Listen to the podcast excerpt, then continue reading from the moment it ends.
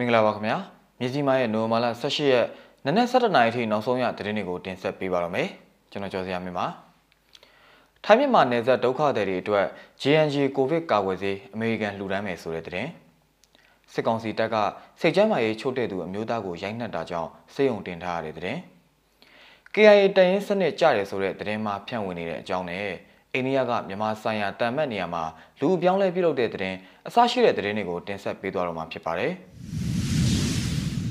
ပထမဆုံးသတင်းတစ်ပုဒ်အနေနဲ့ထိုင်းမြန်မာနယ်စပ်ဒုက္ခသည်တွေအတွက် JNJ ကိုဗစ်ကာကွယ်ဆေးအမေရိကန်လှူဒန်းမယ်ဆိုတဲ့သတင်းကိုတင်ဆက်ပေးပါမယ်။ထိုင်းမြန်မာနယ်စပ်မှာရှိတဲ့မြန်မာဒုက္ခသည်စခန်းတွေအတွက် Johnson Johnson ကိုဗစ်ကပ်ရောဂါကာကွယ်ဆေးတွေကိုအမေရိကန်ပြည်ထောင်စုကရှေ့လဒီဇင်ဘာလအတွင်းလှူဒန်းသွားမယ်လို့ဝါရှင်တန် DC နိုင်ငံရေးလောကအကြောင်းအဓိကရေးသားနေတဲ့ Politico သတင်းဌာနကဗုဒ္ဓဦးနေ့ကဖော်ပြလိုက်ပါတယ်။ ဒါဟာအမေရိကန်သမ္မတဂျိုးဘိုင်ဒန်အစိုးရကကမ္ဘာပဋိပက္ခဖြစ်တဲ့ဒေသတွေစီကိုဗစ်ကပ်ရောဂါကာကွယ်ဆေးအကူအညီပေးမယ်လို့ကတိပေးခဲ့တဲ့အစီအစဉ်ရဲ့တစိမ့်တစ်ပိုင်းအကောင့်ထဲပေါ်မှုလည်းဖြစ်ပါတယ်။အဲဒီလိုအကူအညီပေးတာကိုကုလသမဂ္ဂရဲ့ကာကွယ်ဆေးညီတူညီမျှရရှိရေး COVAX အစီအစဉ်ကနေတဆင့်လှုပ်ဆောင်သွားမှာဖြစ်ပါတယ်။မကြာသေးခင်ကမြန်မာနိုင်ငံကနေပြန်လာခဲ့တဲ့အမေရိကန်တန်တမန်ဟောင်းဘေးရစ်ချတ်ဆန်ရဲ့ပုဂ္ဂလိကခီးစဉ်မှာလည်းမြန်မာနိုင်ငံကိုလူသားချင်းစာနာမှုဆိုင်ရာအကူအညီတွေပေးဖို့ဆိုတာပါဝင်ပါတယ်။အဲ့ဒီခီးစဉ်မှာ သူ့အနေနဲ့မြန်မာစစ်ကောင်စီခေါင်းဆောင်နဲ့တွေ့ဆုံပြီးကိုဗစ်ကပ်ရောဂါကာကွယ်ဆေးကူညီနိုင်ရေးနည်းလမ်းတွေဆွေးနွေးခဲ့တယ်လို့လည်းသိရပါတယ်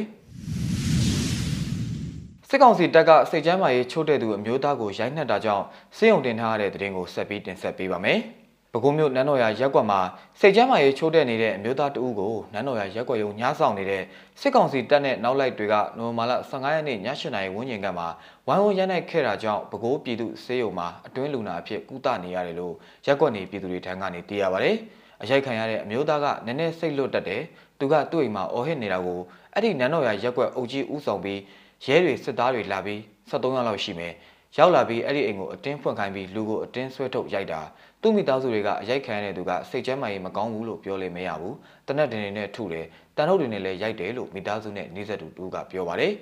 အဲ့လိုရိုက်ခံရသူရဲ့မိသားစုဝင်တွေကနောက်ရက်တွေမှာစကန်းကိုလာရောက်ဖြည့်ရှင်းပါမယ်လို့ပြောဆိုခဲ့ပေမဲ့စစ်ကောင်စီလက်အောက်ခံလက်နက်ကင်တွေကရက်ွက်ရုံကိုအတင်းခေါ်ဆောင်ကဆက်လက်ရိုက်နှိုက်ခဲ့တယ်လို့သိရပါတယ်။ မိသားစုကသူတို့ကိုယ်တိုင်လာအပ်ပါမယ်ပြောတာတော့မရဘူးအတင်းဆွဲခေါ်သွားတယ်အုတ်ကြီးကအိုက်ကောင်ကိုငါကိုယ်တိုင်လုပ်မယ်ရုံးခေါ်ခဲ့ဆိုပြီးခေါ်သွားတာရက်ကွက်ကိုလည်းမင်းတို့ကစစ်တပ်ကိုစန့်ကျင်တဲ့ကောင်တွေငါယုံဘုံပေါင်ရဲ့မင်းတို့ပဲလို့ပြောသွားတယ်နောက်တော့သူတို့ကအကြောင်းကြားတယ်စေယုံတင်ရမယ်ဆိုပြီးမိသားစုတွေလိုက်သွားတော့အဲ့မျိုးသားကမြောင်းထဲမှာတွေးလုံနေပြီးစေယုံမှာအတွင်းလူနာအနေနဲ့ကုနေရတယ်။နန်ရိုးကျိုးသွားတယ်။ခေါင်းနဲ့လက်တွေမှာတန်ရာတွေအများကြီးပဲလို့ဒေတာကန်တူကပြောပါတယ်။ ရိုင်းနှက်ခံရတဲ့သူဟာအသက်45နှစ်အရွယ်ဦးဖုံးမြင့်ကျော်ဖြစ်ပြီးလွန်ခဲ့တဲ့15နှစ်ခန့်ကလေးကစိတ်ဝေဒနာခံစားနေရတာဖြစ်ပါတယ်။ရိုင်းနှက်ခံခဲ့ရသူဟာအသက်45နှစ်အရွယ်ဦးဖုံးမြင့်ကျော်ဖြစ်ပြီးလွန်ခဲ့တဲ့15နှစ်ခန့်ကလေးကစိတ်ဝေဒနာခံစားနေရတာဖြစ်ပါတယ်။အခုလိုရိုက်နှက်ခံရတဲ့အမျိုးသားပေါ်စစ်ကောင်စီဘက်ကလာရောက်ဖြည့်ရှင်းခြင်းမရှိဘဲရက်ကွက်ရုံးကိုပိတ်ထားကရှောင်ပြေးနေကြရလို့လည်းသိရပါတယ်။အဲ့ဒီဖြစ်စဉ်နဲ့ပတ်သက်ပြီးအပြစ်မဲ့ပြည်သူတယောက်ပေါ်လူမဆန်စွာရိုက်နှက်ခဲ့သူတွေကိုလက်တော့ပြန်သွားမယ်လို့ပဲခူး PGF တပ်ဖွဲ့ဝင်တို့ကပြောကြားထားပါတယ်။ KIA တရင်စနစ်ကြရဲဆိုတဲ့သတင်းမှဖြန့်ဝေနေတဲ့အကြောင်းကိုတင်ဆက်ပေးပါမယ်။ကချင်လွတ်လပ်ရေးတပ်မတော် KIA တရင်စနစ်ကြဆုံးဆိုတဲ့စာသားနဲ့အတူလက်နက်ခဲယမ်းတွေတင်စီရမိတဲ့တပ်ပုံသုံးပုံကိုအသုံးပြုပြီးအန်ကေအောင်ဆိုသူရဲ့ Facebook အကောင့်မှာနိုဝင်ဘာလ10ရက်နေ့ကရေးတင်ထားတာကိုတွေ့ရပါတယ်။ဒီရေးသားမှုကသတင်းအမှားသာဖြစ်ပါတယ်။ဘာဖြစ်လို့လဲဆိုတော့အန်ကေအောင်ဆိုသူအသုံးပြုထားတဲ့ဓာတ်ပုံတွေဟာအစ်စ်တွေမဟုတ်ပဲ2018ခုနှစ်ကဓာတ်ပုံအဟောင်းတွေဖြစ်တယ်ဆိုတာကိုစစ်ဆေးတွေ့ရှိရပါတယ်။အဲဒီဓာတ်ပုံတွေဟာဆိုရင် ပြီးခဲ့တဲ့2018ခုနှစ်တိုက်ပွဲအတွင်းက KIC ကနေစစ်တပ်ကတင်စီရမိခဲ့တဲ့လက်နက်တွေကိုရိုက်ယူထားတဲ့တပ်ပုံတွေပဲဖြစ်ပါတယ်။အငယ်အောင်ဆိုသူအသုံးပြုထားတဲ့အခုတပ်ပုံတွေဟာ2018ခုနှစ်ကတည်းက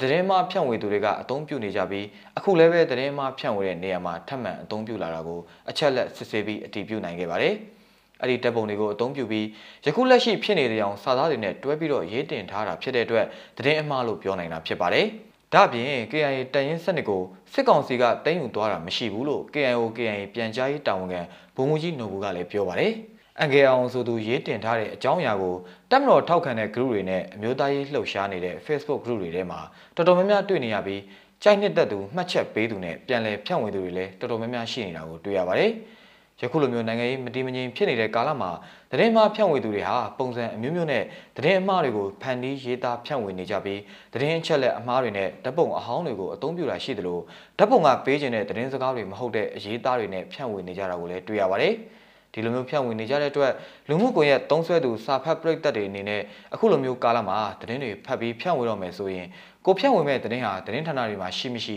တင်မတင်တေချာစစ်စစ်ပြီးမှထပ်ဆင့်ဖြန့်ဝေဖို့အကြံပြုချင်ပါတယ် နောက်ထပ်သတင်းတစ်ပုဒ်အနေနဲ့အိန္ဒိယကမြန်မာဆိုင်ရာတန်မတ်နေရာမှာလူပြောင်းလဲပြုလုပ်တဲ့သတင်းကိုတင်ဆက်ပေးပါမယ်။အိန္ဒိယအစိုးရကရန်ကုန်မှာထားတဲ့သူတို့ရဲ့တန်မတ်နေရာမှာလောလတ်လက်ပဲလူလဲပြီးအတစ်တယောက်ခံထားလိုက်ပါတယ်။အိန္ဒိယနိုင်ငံသားရေးဌာနကဝိုင်းရဲ့တန်တမန်ဗီနီကူမာဟာမြန်မာနိုင်ငံဆိုင်ရာအိန္ဒိယတန်မတ်ဖြစ်လာပါတယ်။ မစ္စတာကူမာဟာဒေလီကနိုင်ငံသားရေးရုံးချုပ်မှာအတွင်းဝင်ဖြစ်တာဝန်ထမ်းဆောင်နေသူဖြစ်ပြီးမြန်မာဆိုင်ရာတန်မတ်တာဝန်ကိုတိတ်မကြခင်မဲ့လက်ခံရယူလိမ့်မယ်ဆိုပြီးအိန္ဒိယနိုင်ငံသားရေးရုံးရဲ့ထုတ်ပြန်ချက်ထဲမှာဖော်ပြထားပါတယ်။မြန်မာနိုင်ငံရေးအကြက်တဲတွေ့နေပြီးပေါ်ပေါက်လာနေတဲ့လက်နက်ကင်ပြိပခါတွေကြောင့်မီဇိုရမ်လိုအိန္ဒိယရဲ့အရှေ့မြောက်ဘက်ဒေသတွေလည်းမြန်မာဘက်ကစစ်ရှောင်းတွေအလုံးရင်းလိုက်ခိုးဝင်နေတဲ့အခြေအနေတွေမှာမစ္စတာကူမာဟာနှစ်နိုင်ငံဆက်ဆံရေးအတွက်အဓိကကြားခံလူတစ်ယောက်ဖြစ်လာပွဲရှိပါတယ်လို့ BBC သတင်းဌာနကပြောကြားထားပါတယ်။ မြစီမရဲ့နိုဝင်ဘာလ18ရက်မနက်7:00နာရီထိနောက်ဆုံးရသတင်းတွေကိုတင်ဆက်ပေးကြတာပါမြန်မာပြည်သူပြည်သားပေါင်းဘေးရန်ရဲ့မျိုးမျိုးကနေကင်းဝေးကြပါသည်ခင်ဗျာ။